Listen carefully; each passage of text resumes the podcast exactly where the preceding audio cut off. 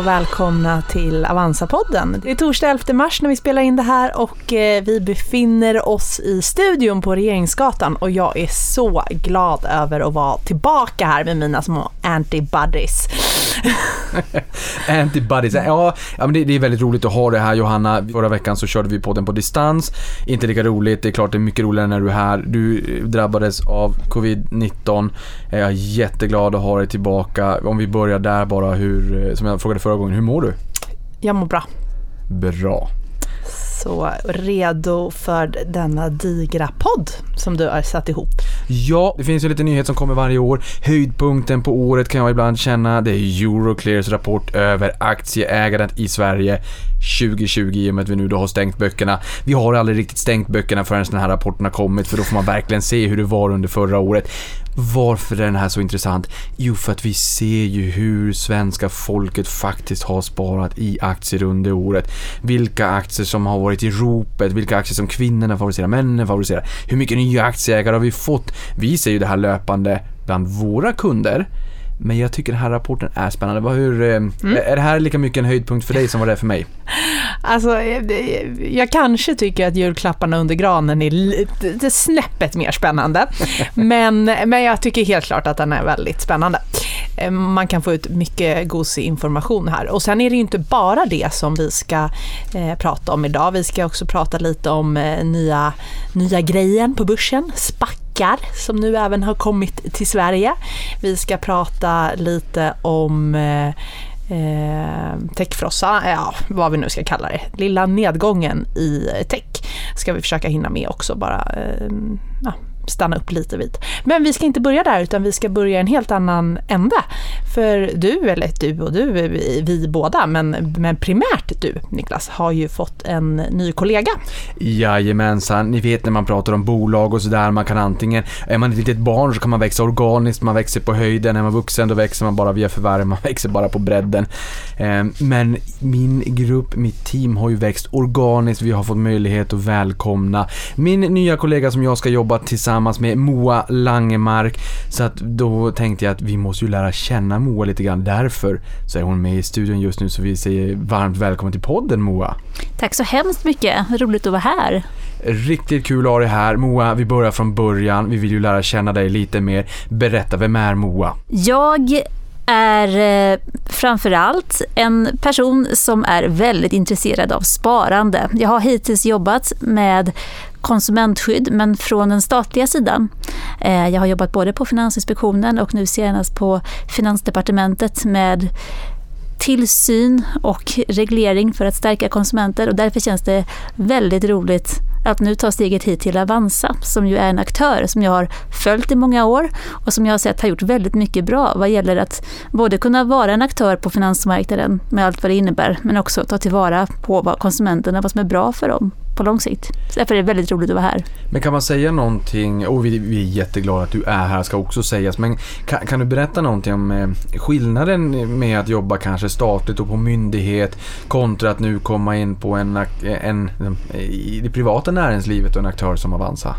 Ja, det här är min fjärde dag, så väldigt mycket nu inledningsvis har ju handlat om att jag ska få en telefon och en dator och lära mig nya kortkommandon och alla dessa andra program som, som ni har.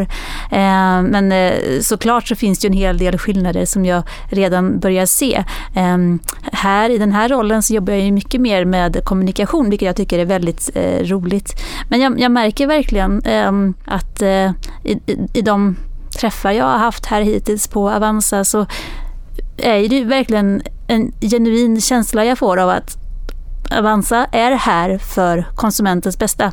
Det handlar inte om den här kortsiktiga jakten liksom på, på att få liksom en, en, en, en, en god intäkt utan det handlar om att få kunder att spara på ett långsiktigt hållbart sätt. Och det, den känslan hade jag när jag kom hit eh, och den har verkligen stärkts, vilket jag tycker känns väldigt, väldigt positivt. Så jag är väldigt glad när jag kommer hem från jobbet och jag är väldigt glad när jag åker till jobbet. Vi måste också bara prata om eh, kort kryptovalutor och gräsrotsfinansiering. För det här är någonting som du verkligen har grottat ner dig i också.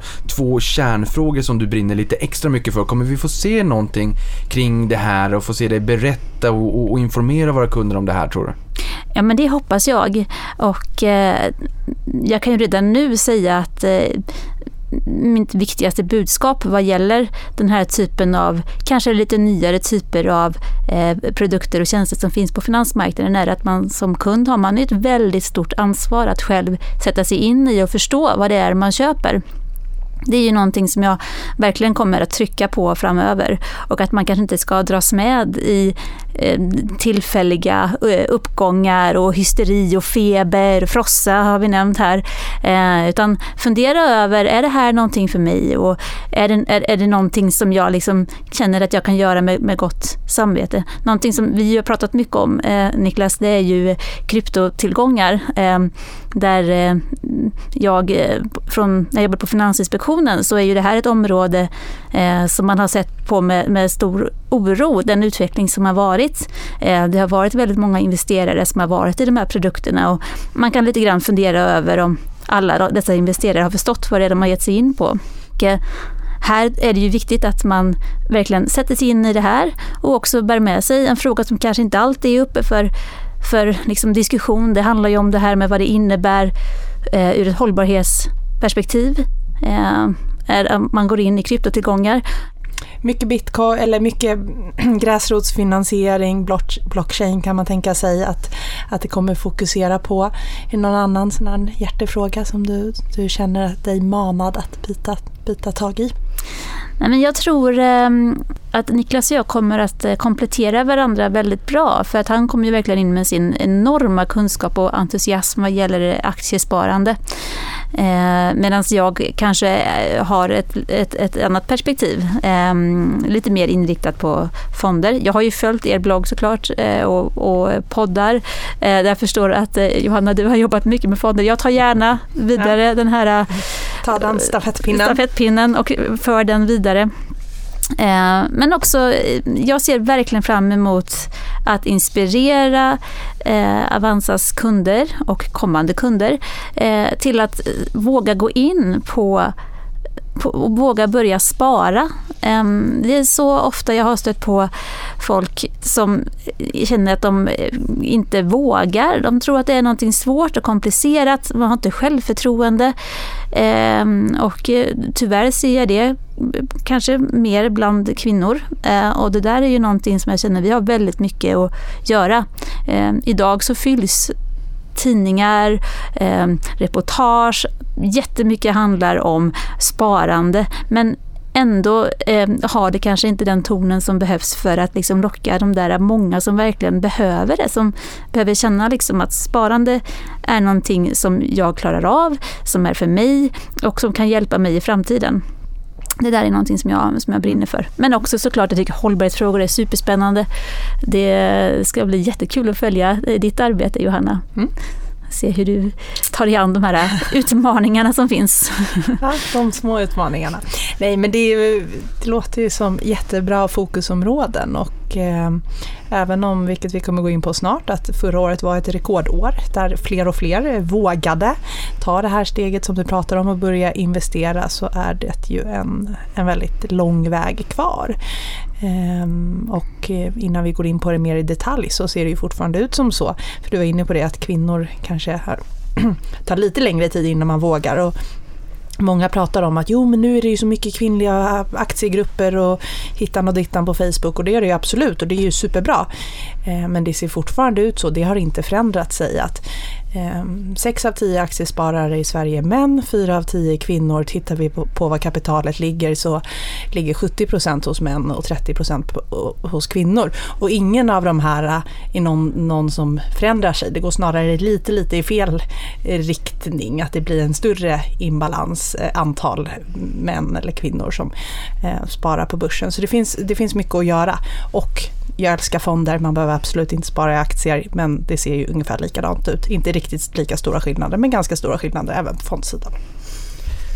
Ja, och förutom det då, det, det temat som har varit på börsen den senaste tiden har ju varit lite grann den här, det frossan som vi sa här. Det kanske inte riktigt är en, en frossa, men samtidigt, det har ändå varit en nedgång ju. Jag menar, i slutet på eh, februari så, så när jag skickade ut pressmeddelande om fondstatistiken, fondhandeln som du gjorde tidigare Johanna varje månad, så sa jag att nu har vi fått en nedgång på 8,5% på eh, amerikanska Nasdaq, alltså te teknikbörsen som man brukar säga, inom loppet av en vecka. Så ganska ganska snabbt.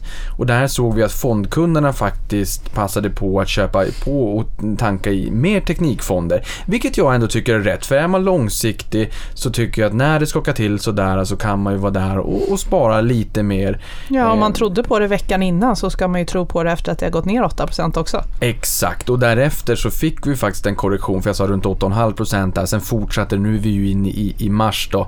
Eh, och vi fick en korrektion så att eh, den är årets första korrektion på Nasdaq är redan tagen. Historiskt så vet vi att det här brukar komma ungefär en gång om året. Och någonstans behöver man vara orolig. Kommer du ihåg när vi spelade in ett extra poddavsnitt här i höstas när det skakade till på Nasdaq? Vi fick en korrektion då inom loppet av tre dagar, alltså en nedgång från toppen eh, till mm. botten då på minst 10%. Det gick ganska snabbt. Och nu, vad är det som har hänt nu? Ja, men amerikanska långräntan har ju börjat dra uppåt. Eh, och vad kan det då tänkas bero på? Ja, det är väldigt många som nu börjar tro att vi kan få en rivstart av ekonomin när vi börjar våga och tro på en värld post-pandemic. Ja, Ja, och inte minst Bidens stimulanspaket som röstades igenom här om natten, historiskt stort. Så det, det liksom öses ju ut pengar i ekonomin nu och då blir man lite, lite rädd för inflationen. Och där är jag väldigt glad att vi också hade med eh, de poddarna som vi har haft här inför presidentvalet och sådär, när vi hade med Koppelman från SCB också, där man fick lära sig lite här maktens korridorer. Nu är det ju så att både du Moa och du Johanna, ni är ju lite mer valsade i den politiska världen. Det är ju inte jag på samma sätt. I min hjärna så finns det inte så mycket annat än finans. Men för att förstå det här, hur det fungerar i politiken och hur, hur det mals och hur processerna går till och allt det här. Men där fick vi ju lära oss det här med senaten och representanthuset, de olika kamrarna och, och hur, vad som händer för, för media. De säger aha, men nu, nu är det här klart i den ena kammaren men inte i den andra. Så kanske man tror att det är klart men det är det ju inte riktigt. Nu är det ju klubbat 1900 miljarder dollar och Deutsche Bank gjorde en undersökning där hälften av ungdomarna sa att ja, men vi kommer nog sätta en rätt stor del av den här stimulanspengen på aktiemarknaden. Ett tecken i tiden.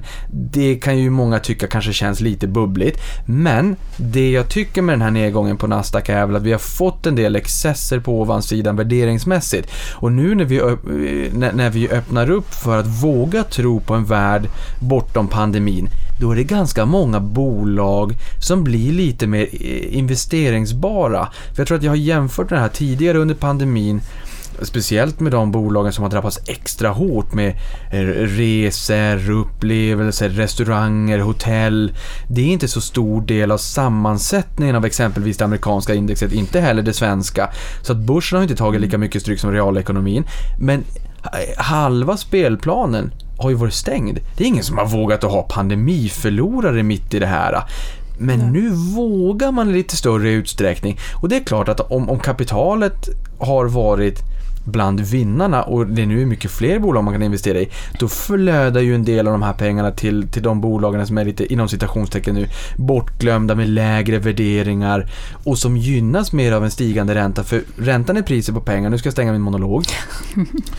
Räntan är priset på pengar och när priset på pengar stiger, ja men då det här gamla uttrycket en fågel i handen är bättre än tio i skogen, det blir så påtagligt. Techbolagen, vinster långt fram på tiden och de här bolagen kommer förmodligen fortsätta växa för de växer strukturellt och många gynnas av megatrender. Men det blir ändå mera fokus på de här bolagen med, med vinster idag, värdebolagen. Och vi har sett den rotationen och den fortsätter. Mm. Men, man, men, det ger ju också folk en andra chans att komma in i teknikbolagen med Så. lite lägre värderingar. Jag gillar inte att jaga aktier på uppsidan som bara, bara fortsätter men, att stiga. Mm. Nej, det är ju lite därför Stockholmsbörsen har klarat sig så pass mycket bättre också i den här lilla techfrossan. För Stockholmsbörsen är ju mer bank och verkstad och det är ju sektorer som liksom inte, det är snarare kapitalet har gått lite till de här verkstadsbolagen och så som också gynnas av en starkare konjunktur. Och Johanna, samtidigt som vi såg korrektionen på Nasdaq mm. så noterade vi ett all time high på Stockholmsbörsen. Högsta nivån någonsin, över 2100 indexpunkter. Eh, du som lyssnar på det här, vill du inte så behöver du absolut inte komma ihåg den nivån. Det var 1905,61 indexpunkter innan coronanedgången i fjol. Det tog 265 dagar så var vi tillbaka. Nu är vi på en ny rekordnivå samtidigt som vi ser en ganska rejäl nedgång i USA på, på teknik. Nu, sen var det ju rally, för när den här mm. omrotationen var, var klar ja, då, då såg man, nu har det ju fallit, många bolag har följt 20-30%. Då kliade det i köpfingrarna och sen så såg vi en liten studs tillbaka. Men behöver man vara orolig Hanna? Nej, jag kan tänka mig att din portfölj precis som min har fått ganska mycket stryk här senaste veckorna i och med att vi båda är ganska tekniktunga. Men ehm, jag, nej, jag är inte orolig. Så jag passade på att köpa lite mer? Som brukligt. Som brukligt. Snyggt jobbat. Men hörni, någonting annat. Nu har vi ju lovat också komma in på ämnet för dagen. Det är många ämnen, det är liksom som en, en finansiell potpurri. Men vi vill ju också komma in på Euroclears rapport och aktieägandet i Sverige. Johanna, är det någonting extra som du har fastnat för här? Nej, men det jag har fastnat för det är ju bland annat den här rekordökningen av antalet unika aktieägare under 2020 och då framförallt ökningen av antalet privat, eh, privatinvesterare, unika aktieägare. Det var väl 180 000 nya eh, aktieägare som tillkom under 2020. Så att det var ju verkligen ett år där intresset för börsen var på topp och då så tror jag att många kommer säga så ah men aj, aj, aj, aj alla gick in och köpte, in, eh, inte GameStop för det var i år, men ehm, Norwegian, eller någonting sånt, eh, SAS. Nu tror jag förvisso just SAS var med på listan över vilka bolag som har fått flest nya ägare under förra året. Men i övrigt så var den listan inte alls håsig på något sätt. Eller liksom, det är de bolagen som fick, fick flest nya aktieägare 2020. Det är Investor, SAS, Volvo, Kinnevik, Castellum, Latour, Telia, Handelsbanken, Tele2 och Axfood. Ehm, ja, SAS ehm, har kris och SAS har slaktats på börsen och har eh, sjukt utmanande. Men i övrigt, alltså Investor och Kinnevik, Volvo, Castellum, Latour, det är ju inga, det är inga märkliga bolag på något sätt. Det är väl högst rimliga bolag som man som ny aktieägare vänder sig till. Så att, eh, vi har väl sagt det kanske i podden innan, det, det stämmer inte att alla bara gick in och köpte eh, några små First North-bolag. Nej, och någonting som är väldigt intressant det är ju såklart, vi hade ju möjlighet att få välkomna 72 000 avansianer under januari och det är ju ett, ett kundinflöde som faktiskt saknar motstycke. Vilket var väldigt roligt och det är klart att media har ju funderat kring då, kom, ser vi här en rejäl rusning till GameStop, AMC och kanske lite Nokia Nokia och lite Blackberry och den här typen av bolag som var i ropet. Men så var ju faktiskt inte fallet. Vi hade 3000 kunder som blev kunder då i, i början på året och köpte GameStop. Men de allra flesta köper nog mera av traditionella bolag och det är det vi också ser att det är eh, fördel mycket large cap-bolag. Och ytterligare en trevlig eh, detalj det är ju att vi har ju varit lite utsvultna på utdelningar i fjol. De här bolagen som du räknade upp Johanna, många av dem är ju bolag som ändå ger en hygglig utdelning och nu har vi fått den här renässansen av att utdelningarna faktiskt börjar trilla in igen. Så att det är ju inte så att jag får ont i magen när jag ser den här typen av bolag då som, som lockade många nya ägare i fjol. Moa, dessutom kan man väl säga så här. Du har börjat med ditt aktiesparande nu ganska nyligen. Är du en sån person som har sprungit in i, i högriskaktier eller vad har, blivit liksom, vad har blivit dina första aktier och vad ledde till beslutet till liksom vilken aktie som fick bli premiäraktien i din portfölj? Ja, eh, innan jag skulle ta det här steget, jag har ju varit, eh, jag har inte haft möjlighet att eh, köpa aktier i mina tidigare anställningar.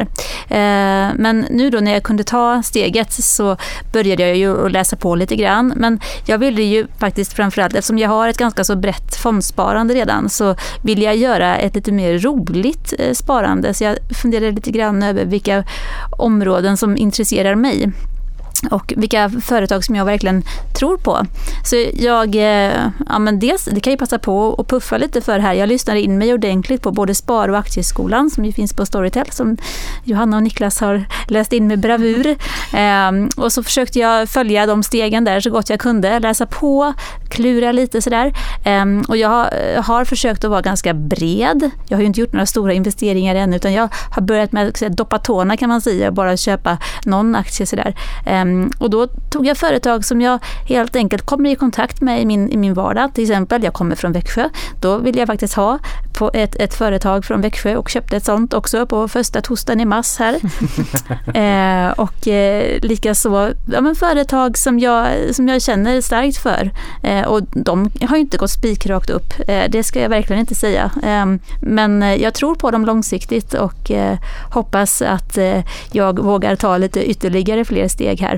Och eh, du har ju lovat mig här Niklas att eh, du eh, kommer att vara mitt bollplank när jag nu funderar vidare i de här eh, spåren. Och jag hoppas att jag också ska kunna eh, förmedla den här, eh, de erfarenheter som jag gör inom, inom aktiehandel här nu till Avanzas många sparare. Du vet vad du ger dig in på när du liksom ska prata aktier med Niklas. Det är ju två timmar och man kommer hem två timmar senare än vad man har tänkt för att man har suttit och eh, diskuterat.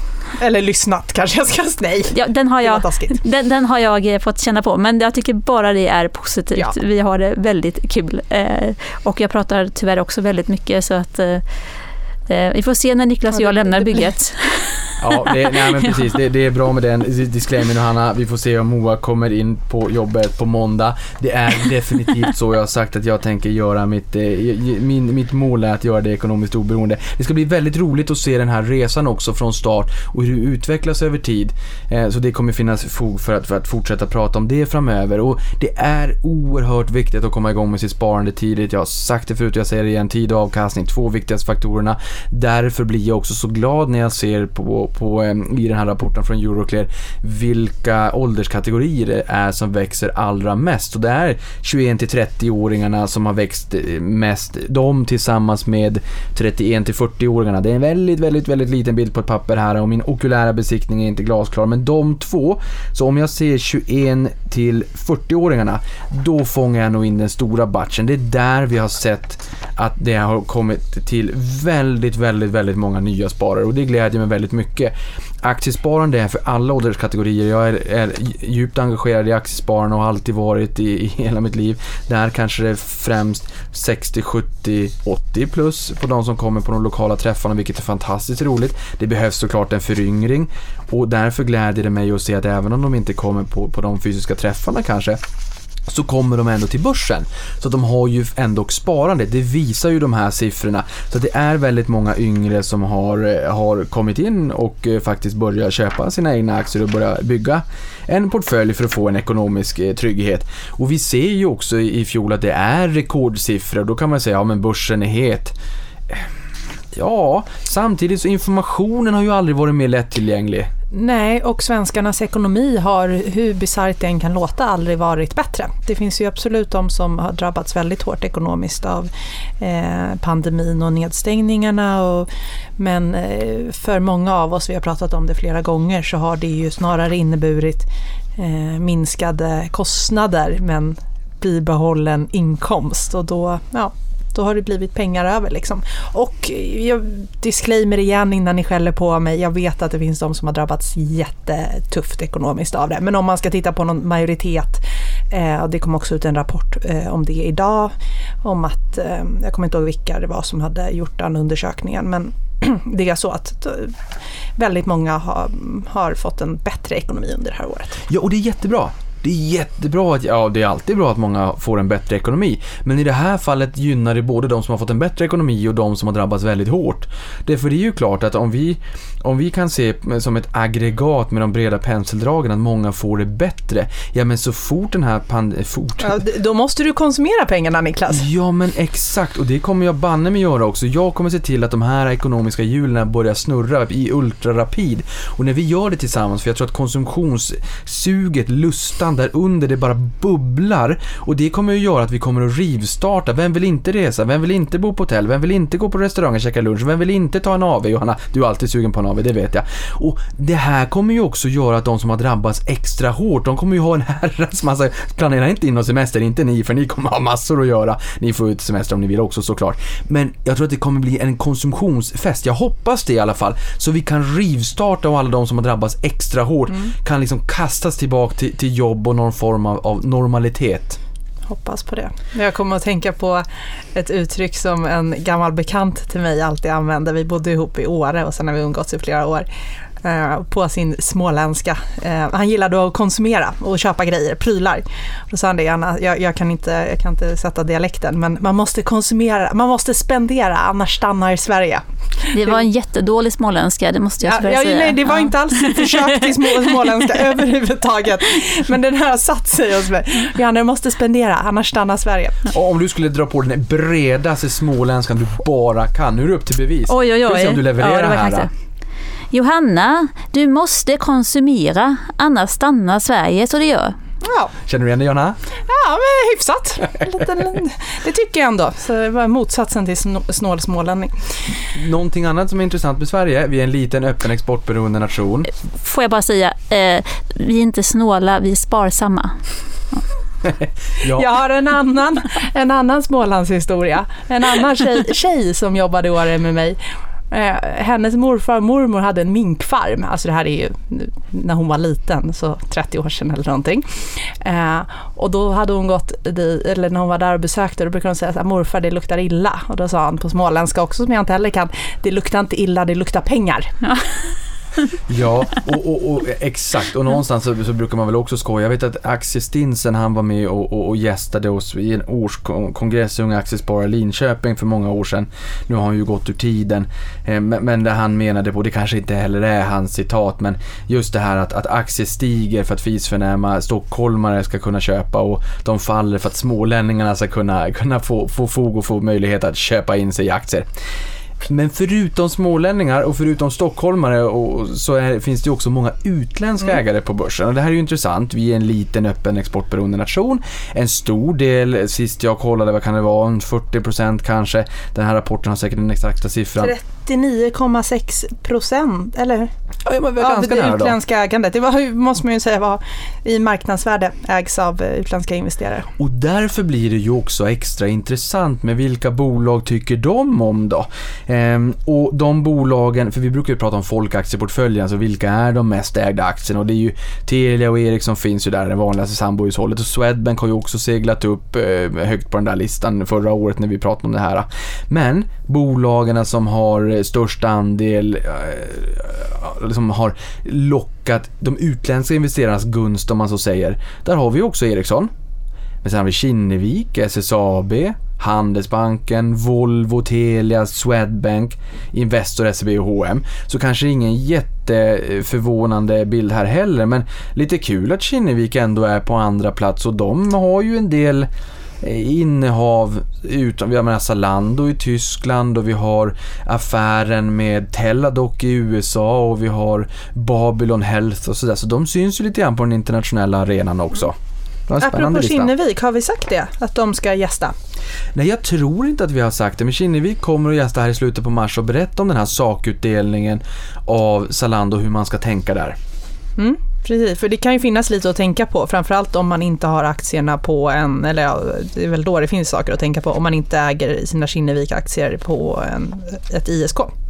Ja. Kan det bli lite stökigt annars. Ja, och det är ju lite komplext. Alltså det här med kontantutdelning, det är ju det vanligaste vi är vana med. Ni vet att vi har ett catching-ljud, det klirrar till, ha ljudet på på telefonen på morgonen 8.30. Eh, Så, så får den här catching-ljudet som vi har fixat för några år sedan, det är väldigt roligt när man, och speciellt när man sitter med kollegor och de undrar vad tusan är det där för någonting? Så kan man berätta att man... eh, Inte med kollegor, äh, jaha, ja, ja, jo, när andra sitter med kollegor. Jag tänker, du behöver ju inte berätta när du sitter med kollegor. Nej, men andra som undrar vad tusan är det där för någonting och så kanske de börjar prata om sitt sparande och sitt intresse för sparande och investeringar och sådär och utdelningsaktier och så. Men, så att kontantutdelning är ju det vanligaste. Och sen så kommer det här liksom komplext och sakutdelning. Det är ju inte jättevanligt. Thank God. Eh, men nej, det är inte jättevanligt. Men apropå det, för det kan ju framförallt då bli stökigt lite vid deklarationen året efter. Har ni fått era, era deklarationsbesked från Skatteverket? Jajamensan. Japp. Ja. Årets roligaste rapport. Så länge den är positiv Ja, på jag sista tänkte raden. säga det. Det beror väl helt på vad, hur Det sista... trodde jag var det orangea kuvertet efter att ha lyssnat på förra veckans avsnitt. Ja, deklarationen är faktiskt inte det roligaste, jag kryper till korset. Men om du har Kivra så, och, så ska du ha fått det. Annars så kommer det väl öppna upp om det är 15 mars tror jag Skatteverket öppnar upp e-tjänsten så då kan man börja deklarera. Och sen har man ju någon, någon, några veckor på sig där om man vill deklarera snabbt och få pengarna tillbaka redan till, i april. Men, det, men då förutsätter ju det att man inte har några så här krångligheter som sakutdelningar och så. Men Allting kan ju inte vara det roligaste, så ska jag krypa till korset mellan deklarationen, orangea kuvertet och Euroclears rapport så säger jag faktiskt att Euroclears rapport är den roligaste. Det finns en em, graf i den här rapporten som jag tycker är extra rolig varje år och det är riskspridningen. Det känns som att man tjatar kring det här och det är väl kanske också för att man gör det, eller för att jag gör det. Men att sprida på risken, aktiespararnas gyllene regler, fantastiskt, 10-15 aktier i 5-6 olika branscher. Det är klart man kan ha en högre koncentration om man vill också. Var då i sådana fall beredd på att göra hemläxan kanske lite, lite mer. Speciellt om det är så att man har färre bolag och att det kanske är lite mindre, mindre bolag dessutom. Men hur bra riskspridning har vi i stugorna där ute. Och det här är en bild som har ljusnat och förbättrats de senaste åren. Och därför blir jag så jädrans glad. För förra året då var det 44% av svenskarna som nöjde sig med en enda aktie i portföljen. Den siffran har förbättrats till 41,79% vilket är Många bäckar små, den har förbättrats över åren faktiskt, de senaste åren. I fjol sa vi att vi hade 4,1 bolag i snitt i portföljen och nu är det 4,5.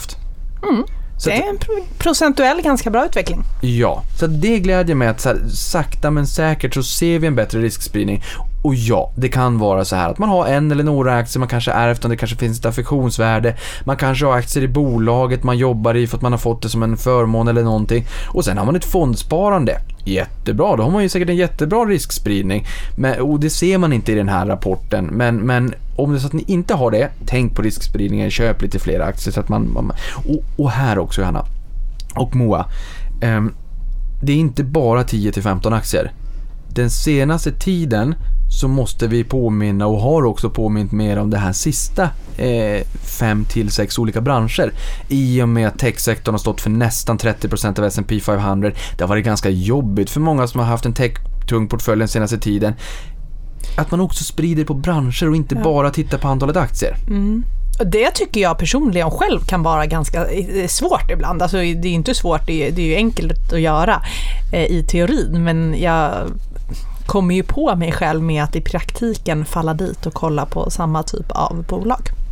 Men får jag då också puffa lite för den här roliga swipe-funktionen som dök upp när jag skulle sitta där och leta aktier. Det tycker jag var väldigt roligt. Det var ju ett nytt sätt lite grann att komma in i nya, nya tänk liksom. Eh, för jag håller helt med. Det är lätt att man eh, fastnar liksom i, i ett skrå liksom när man ska välja sina aktier. Men nu försökte jag verkligen Mm att vara lite bred eh, i mitt blygsamma sparande. Men eh, då använder jag den här swipe-funktionen för att liksom hitta företag som jag kanske inte hade hittat eh, annars så där, och se vad som tilltalade mig. Jag blir så glad att du säger det, för det är precis det som är tanken. Jag menar, ibland i media har man sagt lite grann, är det här någon form av gamification på sparande? Nej, det är inte det som är tanken, men jag tycker att gamification kan vara jättebra. Eh, jag, är- jag är första person att säga det. Eh, Och jag, Johanna, och, och kan, jag vet inte om du håller med mig lika mycket, men så här, jag är all for gamification. Kan gamification på ett roligt och lustfyllt sätt få människor att kanske på ett bättre sätt ta till sig riskspridning, att man ska ha ett antal olika aktier, ett antal olika branscher, att man kanske ska spara löpande, att man gärna kanske fortsätter spara när börsen surnar till lite grann. Allt det här hur vi, för vi ser ju hur våra kunder agerar och dessutom kan vi ställa det i relation till hur våra mest framgångsrika kunder agerar. Och om vi kan lära oss att dra insikter av det och hjälpa fler av våra kunder att få ett bättre sparande, ja men då vill jag ta den möjligheten. Och det här är ett sätt att minska avståndet mellan kunder och investeringsmöjligheter där ute på ett lustfyllt sätt helt enkelt. Men det du pratar om det är ju fördelarna med gamification. Det är väl nackdelarna som är det problematiska. Men här är det ju väldigt viktigt att vi här och nu och trycker på, vilket vi ju gör, det här med att tänka långsiktigt och att inte när det börjar bränna, gå inte ur det första du gör utan sitt still i båten, ta det lugnt, se det snarare som ett tillfälle att köpa på dig lite nytt.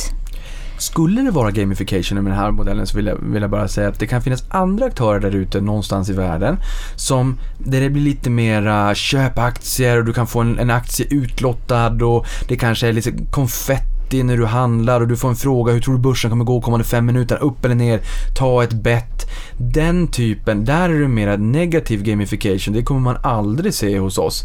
Eh, och, och att eh, jag tror att många kanske handlar lite för mycket. Ibland ställer jag en sån fråga om någon handlar mycket så här, men, men leder din, din ökade handel till en ökad avkastning? Ibland så här, nej, Nej men då kanske du ska fundera på att inte handla så mycket helt enkelt. Det är klart det ger oss courtage men det kanske är bättre ibland att bara vara... Det, det finns ju helt klart studier på att, eh, att eh, generellt sett för gemene man så är det inte så att eh, fler affärer, det finns en negativ korrelation med antal affärer och avkastning.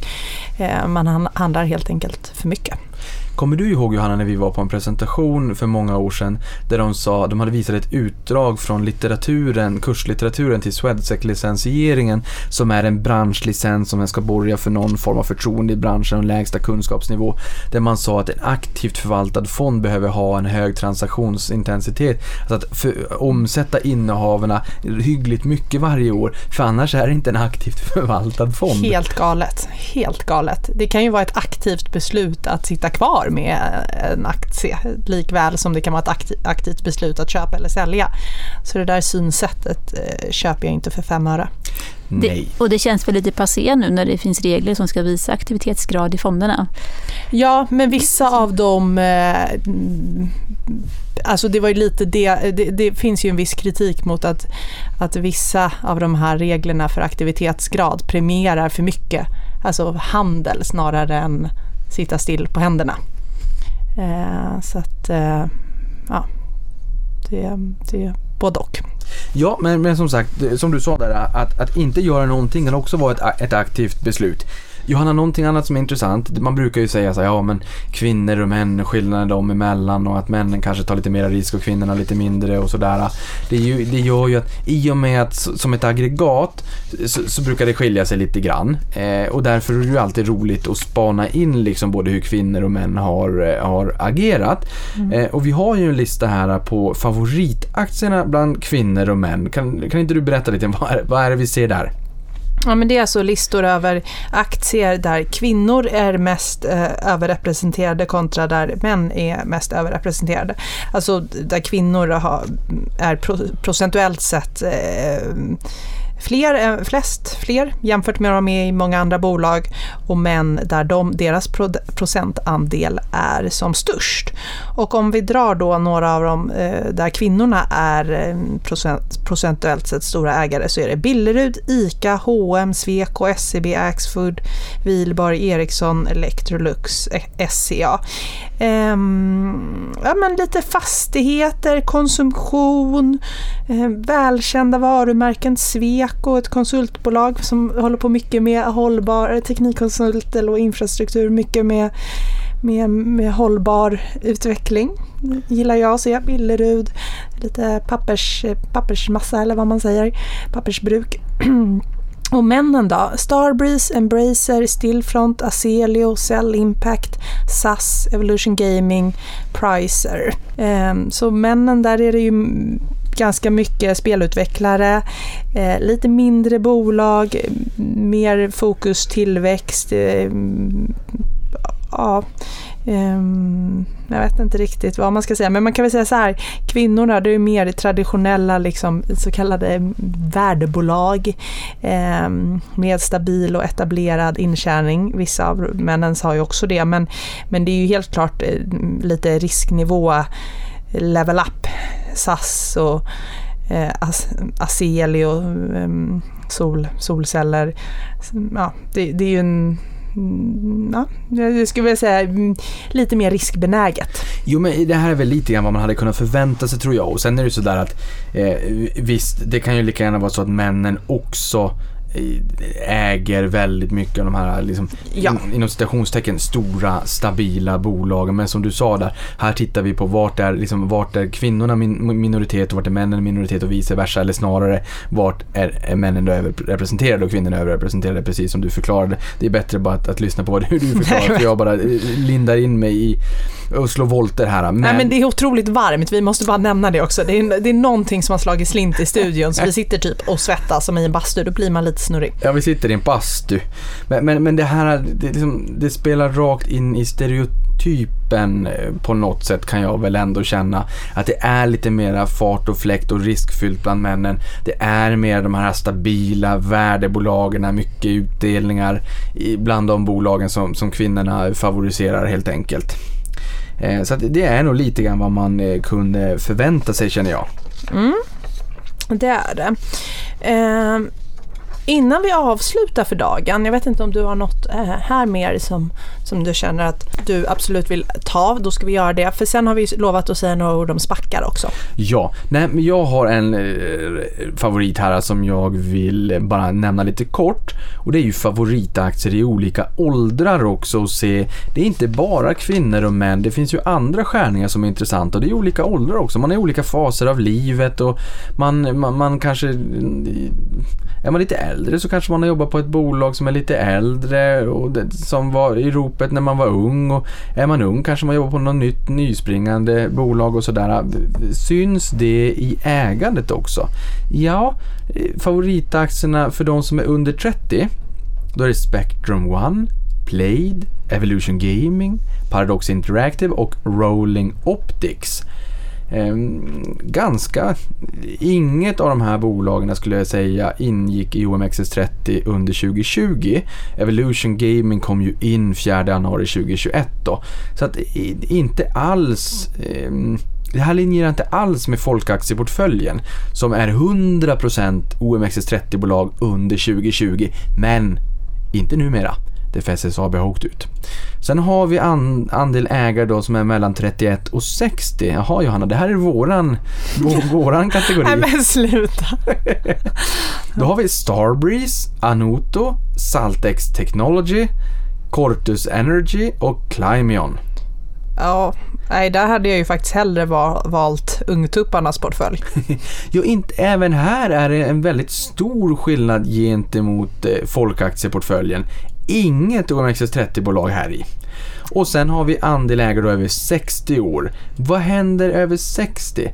De bolagen som kanske blir lite mera eh, vad ska man säga, household brands som har varit med under lång tid. Billerud, SEB, Catena förvisso, Trelleborg och Swedbank. Så här ser vi ju en jätteskillnad i de här namnen, bolagen som ingår i portföljerna när vi börjar titta på de som är 60 plus. Mm. Nej, det är ju, och, och det har väl att göra med att de är liksom man har ju köpt aktier under en längre period också. Ehm, och det kan, ju- det, då, då blir det ju lite mer de bolagen som var stora också för 20 år sedan. Ja men exakt så. Men sist men inte minst Johanna, vi har lovat att prata lite grann om spackar. Vad ska vi säga där? Spacktrenden är på väg till Sverige. Det blev väl eh, officiellt här för någon, någon dag sedan om att Bure Equity ska notera en SPAC. Och vad är då en SPAC? Det är ju, en- det är ju egentligen ett, ett tomt skal, ett bolag som man eh, tar in pengar till och säger att vi kommer inom eh, tre år, tror jag det var i det här fallet, att eh, köpa upp ett bolag, kanske ett onoterat eh, bolag och Eh, då blir det ju att det bolaget blir börsnoterat. Så man kan egentligen säga så här, i det här fallet så om man tecknar sig i den här noteringen eller om man köper en SPAC sen generellt över börsen, det man då gör det är att man eh, köper in sig hos eh, till investerare. Man blir liksom andelsägare i en tom fond kan man säga. Som några investerare, i det här fallet Bure då, har sagt att det här kommer vi använda för att göra någon form av investering. Jag vet inte om de har gått in på vilken typ av bolag det är eller om de har någon nisch där eller om det är öppet. Det kanske vi får reda på mer när de besöker din podd sen. Nej, och det här är ju superintressant Johanna. Vi fick tidigare här under veckan och som du sa, vi fick ju reda på att Bure då ska ta, ta den här trenden till Sverige. När jag hade uppesittarkväll så gästades jag Adam Kostjal, han har ju varit i Avanza-podden också och pratat om, han är noteringschef på Nasdaq Stockholm. Där sa vi Adam, det här är eh, första premiäravsnittet i ny regi. Vi vill ha lite breaking news. Han tänkte två sekunder, breaking news fick vi. Han sa grabbar eh, och tjej ni kommer att få se den första spacken i Sverige innan utgången på mars. Och det fick vi också se här nu för någon dag sedan kom pushnotisen Johanna på telefonen. Första spacken på väg till Sverige. Det blir Bure som investmentbolaget Bure då som, som eh, blir först ut helt enkelt. Och det här tycker jag också är väldigt intressant. De kommer till, till min podd där jag kommer fråga lite grann om det här, hur man ska tänka och vad det var som gjorde att de bestämde sig för det här. Långsiktighet, hur de ser på trenden. Jag menar, det finns två läger kring den här trenden får man ju helt klart säga. Och i USA då är det ju mycket, det är high-flying idéer och det är kändisar och... Eh, ja, jag är lite skeptisk. Ja, och samtidigt så eh, man vet inte vad de kommer köpa och sådär. Och, och, och, och, vi har mm, Churchill Capital 4 som var en SPAC som då ryktades om att den skulle göra en stor affär med Lucid Motors som är en premiumtillverkare av elbilar. Eh, och där tänkte jag, aha, Tesla har ju gått jättebra. Men kanske det här vill man ju kunna vara med i och sådär också. Så gick den upp en 600% på en och en halv månad eller sånt där. Och, och det, blir liksom, det blir lite bubblig terräng. Men samtidigt, det här är ju ett annat sätt, ett annat fenomen fenomen för bolag att notera sig, att det finns den här påse pengar och det kanske blir ett enklare eh, sätt att, att notera sig. Men Adam har ju sagt ändå på Nasdaq att kraven kommer vara densamma. Om det är så, det återstår ju att se. Vi kommer ju få, få grotta ner oss mer kring det här. Men jag är glad Johanna mm. över att det är Bure som tar den här trenden. För de har ändå renommé att tänka på. Och det är ju jätteviktigt för det, det man gör när man investerar i en SPAC, eh, det är ju egentligen att man, man investerar i en annan människas kompetens kan man säga. Och då vill det ju till att man har ett förtroende och att det gärna finns ett litet track record för dem bakom eh, spacken och i det här fallet Bure och de är ju erkänt duktiga investerare historiskt. Så att, um, det ska bli spännande att se att jag är skeptisk. Det kan, säkert, alltså det kan säkert bli en jättebra investering, fantastisk investering, men hela mig personligen är det lite jobbigt att skicka in pengar i ett svart hål. Men jag, jag, jag tror säkerligen att det på många plan kommer bli goda investeringar. Ja men det är ju ett annorlunda fenomen, det är ju ett annorlunda sätt. Alltså jag tänker mig när man startar ett aktiebolag, då kan du köpa ett skalbolag och du får betala 5, 6, 7, 8 tusen kronor. Pappren är färdiga och bolagsordningen är färdig och, och det, det mesta är färdigt bara för att ske, så att du, du snabbt kan komma igång. För annars tar det kanske fyra veckor, kanske, kanske fem, sex veckor om det är sommarsemester hos Bolagsverket. Det går fort, det mesta, det mesta är redan färdigt. Här blir det samma sak, det mesta är färdigt, de har en börsplats de har en börsplats på, på börsen, de har pengar, de hittar ett förvärv och sen är dealen klar och sen så eh, Börsen är ju framåtblickande så att även om affären tar ett antal månader att stänga så kommer ju börsen reagera eh, omedelbums när affären offentliggörs. Och backar vi bak till någonstans 2012 eller 2013 så var det Burger King kom ju in i noterad miljö via en SPAC. Så det här är ju inte ett mm. nytt fenomen men fenomenet har ju verkligen exploderat och i USA så har väl hälften av noteringarna eh, den senaste tiden varit SPACar det, det, har ju, det har formligen exploderat får man säga. Men det är därför jag också är så glad att det blir en sån välrenommerad aktör. För det tar ju udden lite grann kanske av det här att, den, eh, att det är någon form av hysteri. Jag tror inte att de kommer vilja när de kollar i backspegeln om några år säga att det här var en hysteri och att det här var liksom en skämskudde för Bure nej, nej, det kommer de absolut inte vilja. Så det är väl fint. Det är liksom inte du och jag som bara får för oss att notera en spack. nej. Vi har inte gett... Nej, och, och, och där liksom, de, de, de har ju sagt att de ska ta in 3,5 miljard. De tecknar 700 miljoner kronor själva. Det är ändå ganska, det finns ankare som tar 60 procent av hela det här beloppet. Och sen finns det, i och med att de är sponsor som de kallar det då för den här spacken. Så de avtalen som är skrivna är ett incitamentsprogram, ett optionsprogram då eh, för den avansen som Bure kan få.